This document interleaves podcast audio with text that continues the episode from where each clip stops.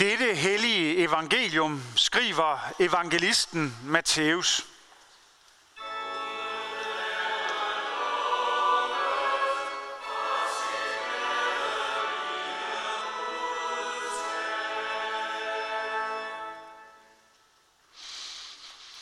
Jesus sagde, ingen kan tjene to herrer.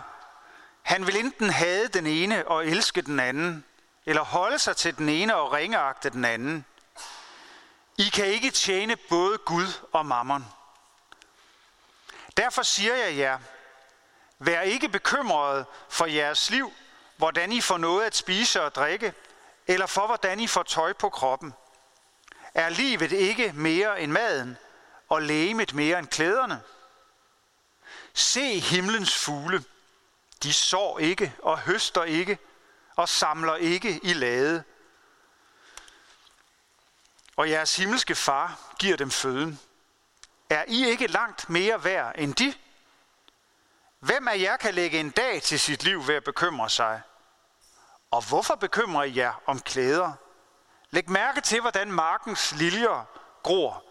De arbejder ikke og spinder ikke. Men jeg siger jer, end ikke Salomo i al sin pragt var klædt som en af dem. Klæder Gud således markens græs, som står i dag og i morgen kastes i ovnen, hvor meget snarere så ikke jer i lidet trone. I må altså ikke være bekymrede og spørge, hvordan får vi noget at spise og drikke? Eller hvordan får vi tøj på kroppen? Alt dette søger hedningerne jo efter, og deres himmelske far ved, at I trænger til det. Men søg først Guds rige og hans retfærdighed, så skal alt det andet gives jer i tilgift. Så vær da ikke bekymret for dagen i morgen.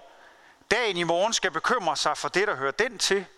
Hver dag har nok i sin plage. Amen.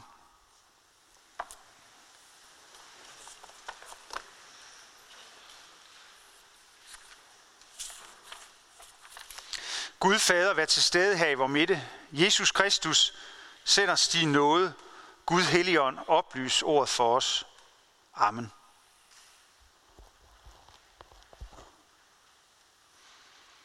Hun sad der i sin stol i FN-bygningen i New York.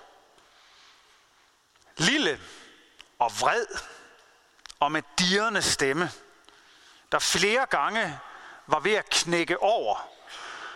Hun skældte ud på magthaverne, beslutningstagerne, og i grunden også alle os, der sad og så med på tv eller YouTube, eller hvor vi nu så det. Man hører mange taler, alle mulige steder, også her i kirken. De fleste husker man ikke så meget af, og nogen husker man. Ja, nogen husker man for altid. Den tale, jeg her taler om, det er en af dem, jeg tror, jeg kommer til at huske. Den, som den 16-årige svenske skoleelev Greta Thunberg holdt i FN-bygningen forleden. Var det blændende godt retorisk? Nej. Var det ikke synd for den unge pige? Ville det ikke have været bedre, at hun var blevet hjemme og gået i skole i Sverige? Måske. Var det ikke bare for meget? Det kan godt være. Blev du, der så det, påvirket af det? Vækkede det nogle følelser i dig? Det tror jeg, de fleste af os må sige klart ja til. Hvad fik hun os så til at føle? Irritation, overbærenhed, vrede, eller et slag i mellemgulvet? Fik du ondt af hende, eller blev du pludselig bekymret? Kom du til at tænke på de ubehagelige ting, hun sagde? Måske har de noget for sig. Det var for eksempel ikke spor behagelig læsning at læse faktatjekkerens beskrivelse af hendes tale. Han sagde, de ting hun sagde, det er sådan set rigtigt nok. Eller når hun råbte, how dare you? Hvor våger du? Jamen, var det til mig? Hvad er det, jeg bilder mig ind? Kan jeg fortsætte som før med at flyve, køre i bil, se Netflix, eller hvad jeg nu gør? Velvidende, at jeg og du som danskere er nogle af de mennesker i verden, der forbruger mest og udleder mest CO2. Den CO2-udledning, som er i færd med at skabe klimaforandringer, og måske, måske ikke, ender i en klimakatastrofe. Mange har fejet hende af bordet. En alt for ung, alt for forstyrret pige. Hun burde være et andet sted og ikke sidde der i FN og være ved at græde af vrede over verdens vægelsind og profittænkning.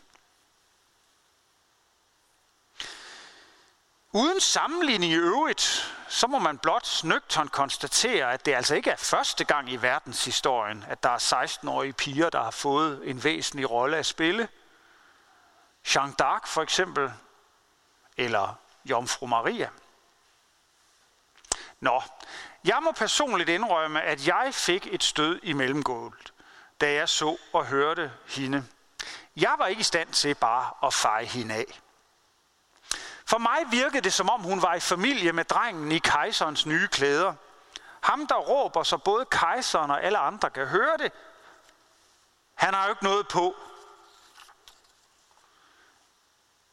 Det er det, hun harmdierne anklager os for. Vi snakker og snakker. Vi sorterer plastikaffald. Det gør jeg ihærdigt derhjemme. Køber økologisk.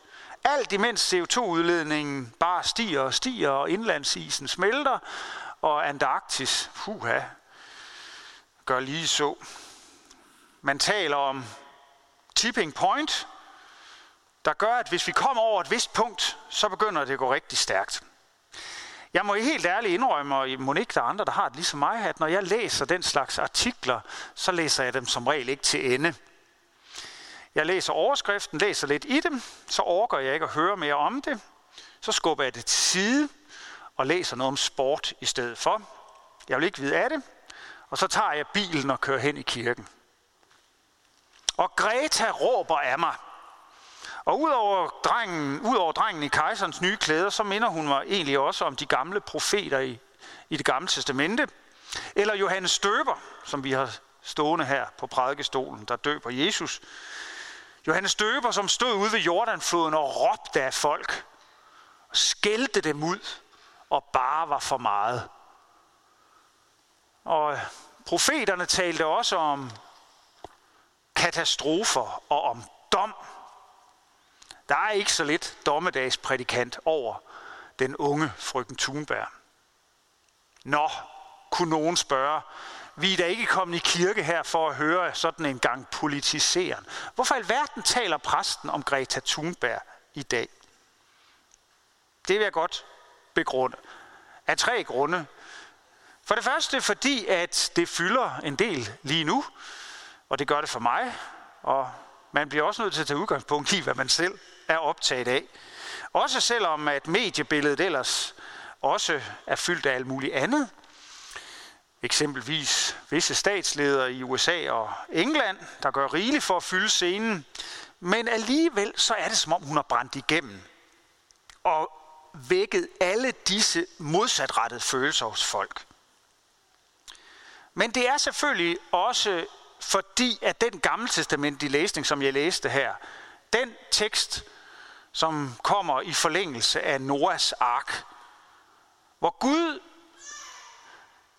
slutter en pagt med alt levende på jorden, efter at Noah har takket Gud og er kommet på det tørre land igen. Gud laver en pagt. Mærkeligt nok plejer en pagt jo at være en aftale mellem to parter, men det er det ikke her. Det er Gud, der laver en pagt med alt levende, selvom han siger, selvom menneskene ikke vil andet end ondt fra deres ungdom af. Alligevel laver han en pagt. Og sætter sin regnbue og lover, at han aldrig mere vil ødelægge verden. Vandet skal aldrig mere blive til en vandflod, som syndfloden, der ødelægger alt levende. Altså en beretning om, at Gud vil livet. Gud vil en verden, hvor der er såtid og høsttid, kulde og varme, sommer og vinter, nat og dag.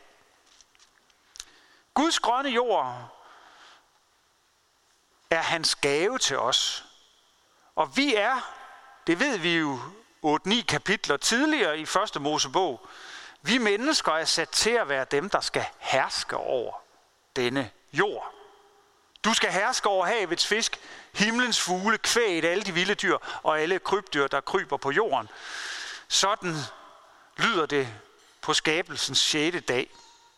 Hvordan hersker man? Det kan man gøre godt og skidt, men herske skal vi på den måde, at vi værner og beskytter. Dyrker jorden, er dens gardner, kan vi kalde det. I stedet for ødelægger vi jorden, og massevis af dyrearter uddør. Derfor var det lidt oplagt at tage det her tema op. For det tredje kunne jeg ikke lade være med at tale om Greta.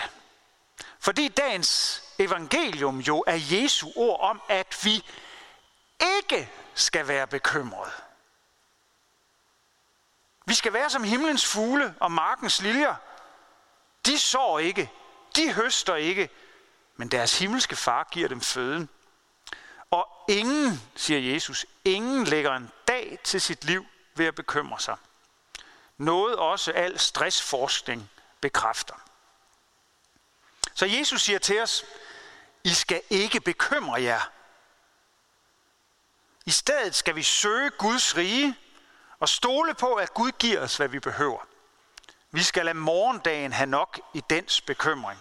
Hver dag har nok i sin plage. Men Jesus, hvad gør vi så med alt det, som vi gør i dag, som har konsekvenser for i morgen?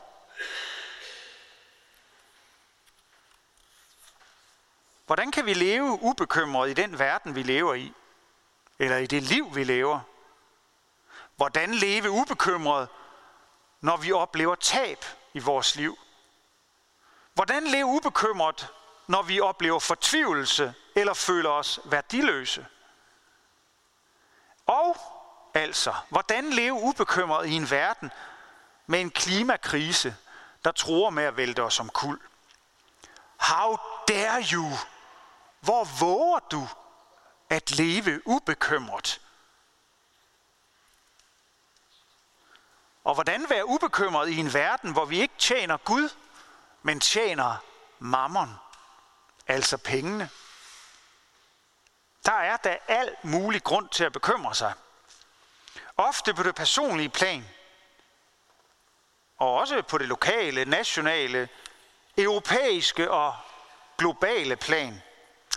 Og ja, skal vi svinge os helt op, så kan man jo også være bekymret for, om der kommer en meteor og rammer jorden. Men lad det nu ligge. Jeg tror, vi bliver nødt til at se virkeligheden i øjnene, som den er, også selvom vi ofte ikke vil vide af den. Og se dagen, som den er. Jesus siger, at vi skal være som himlens fugle. Himlens fugle, de er nu heller ikke skånet for ødelæggelser og farer. Rovfugle kan fange dem. De kan miste deres naturlige fødesteder – i Nordamerika har man regnet ud, at siden 1970, der er der blevet 3 milliarder færre fugle der. Også i Danmark går langt de fleste fuglearter tilbage. Alligevel er en fugl jo ubekymret i den forstand, at den ufortrøden bliver ved med at flyve rundt og synge, bygge rede og hvad en fugl nu ellers gør. Fuglen er ikke skånet for fare, den holder sig ikke i skjul. I hvert fald ikke hele tiden, det kan den ikke. Den flyver og fløjter dagen lang. Vær som himlens fugle, udfordrer Jesus os. Men hvad så, når man ikke kan det? Når man ikke kan være som fuglen, og ikke kan lade være med at bekymre sig? For mit eget vedkommende må jeg erkende, at jeg kommer til kort både over for den unge, vrede Gretas dommedagsprædiken. Hvad bilder jeg mig i grunden ind? Og jeg kommer sandelig også til kort over for Jesu ord om ikke at bekymre mig. Hvad skal jeg gøre? Hvad skal vi gøre? Søg først Guds rige og hans retfærdighed, siger Jesus så. Det er, hvad vi må gøre. Og når vi søger Guds rige og hans retfærdighed, så der høre og forstå, at Gud elsker os, at Gud tilgiver os, også selvom vi ikke evner at være ubekymrede, eller at gøre en stor forskel for at redde planeten. Her i kirken, der er det sådan, at alting, alting begynder på en brændende platform af kærlighed. Det er af Guds kærlighed, at vi sendes ud i verden. Det er af Guds kærlighed, vi sendes ud i livet, hvor vi skal lytte til alt det, dagen og verden bringer os. Også til Gretas vrede dommedagsprædiken. Det er også af Guds kærlighed, vi sendes ud for at søge at gøre det, der skal gøres, så godt vi formår det. Og det er af Guds kærlighed, at vi nu, efter gudstjenesten i dag, sendes ud i livet. Ud i den uge, der møder os snart med alle dens gøremål og udfordringer. Sendes ud for, på den ene side med Paulus' ord, at bære hinandens byrder, samtidig med, at vi også hver især skal bære vores eget. Det er Guds kærlighed, der favner os. Det er Guds kærlighed, der former os, danner os, nedbryder os, når vi har brug for det. Omdanner os, sender os videre og viser vej. Det er Guds kærlighed, som Isabella er blevet døbt til at leve på og leve af. Søg først Guds rige og hans retfærdighed, så skal alt det andet gives dig i tilgift, siger Jesus. Må Gud derfor i tilgift til sin kærlighed, til sin tilgivelse, til den retfærdighed, han rækker os, må han i tilgift til det også give os ubekymrethedens nådegave, såvel som viljens og handlingens nådegave. Det må være bønden i dag. En dobbelt bøn om, at Gud må lære os at leve frimodigt som fuglen i skoven, som vi skal synge om i den aller sidste salme i dag, samtidig med, at vi får mod og vilje og kræfter til at tage vores ansvar som jordens forvaltere på os. Amen.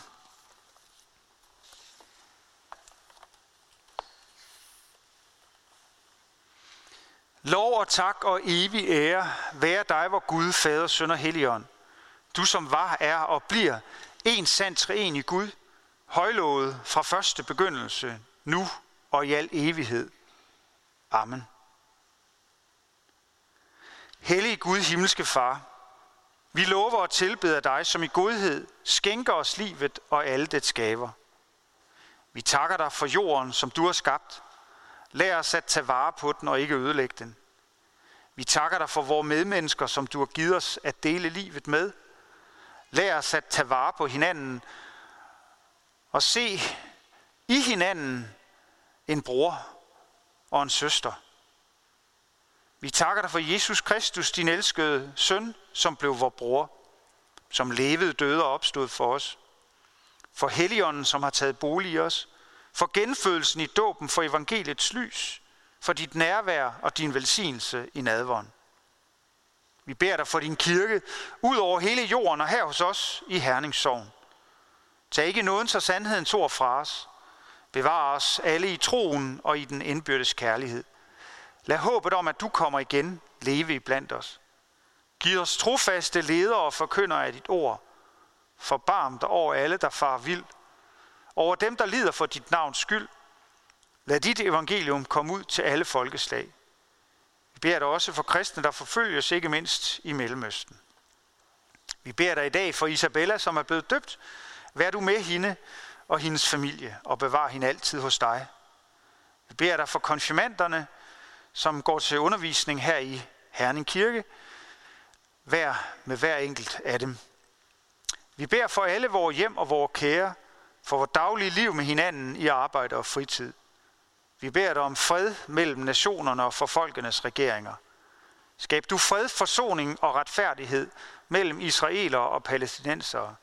Vi beder dig om fred i Ukraine, i Syrien, i Irak og i Afghanistan, og hvor som helst mennesker lever i ufred. Vi beder dig også for Danmark. Bevar os som et folk blandt folkene. Vi beder dig for al lovlig øvrighed og for alle med ansvar i vores samfund. Vi beder for dronning Margrethe og hele det kongelige hus, for regering, folketing, domstole, regionsråd og kommunalbestyrelse. Giv dem troskab og visdom til at forvalte deres magt og viden til værn for de svage og til gavn for alle. Vær nær hos alle fattige, alle forpinte og bedrøvede. Vær nær ved dem, der sidder i fængsel, og dem, der har, der er flygtet fra deres hjemland. Vær nær ved forladte og ensomme, dem, der mangler det nødvendigste til livets ophold. Vær med dem, der kæmper med sygdom, dem, der skal dø, og dem, der har mistet. Forbarm dig over os. Giv os ikke løn som forskyldt, men fri os fra det onde, og lad os på den yderste dag få lov at opstå med Kristus og evigt takke dig ved din elskede søn, Jesus Kristus. Amen. Lad os rejse os og med apostlen tilønske hinanden, hvor Herre Jesu Kristi nåde, Gud vor Faders kærlighed og Helligåndens fællesskab. Amen.